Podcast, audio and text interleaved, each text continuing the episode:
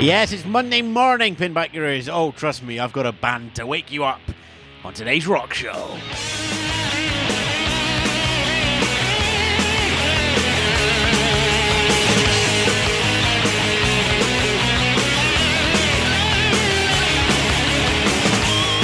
Yay, good afternoon, good morning, good evening. Ewan Spence here on your rocks. It's the start of another week, and as I thought yesterday, let's try and bounce around the continents. Um, so we'll start off in Australia with BugGirl. Now, technically, we're starting in Austin because uh, Clint and Amber moved to Austin to keep their music career going. Uh, but I'm going to class them as Australia, so there you go. Nah, nah, nah, nah.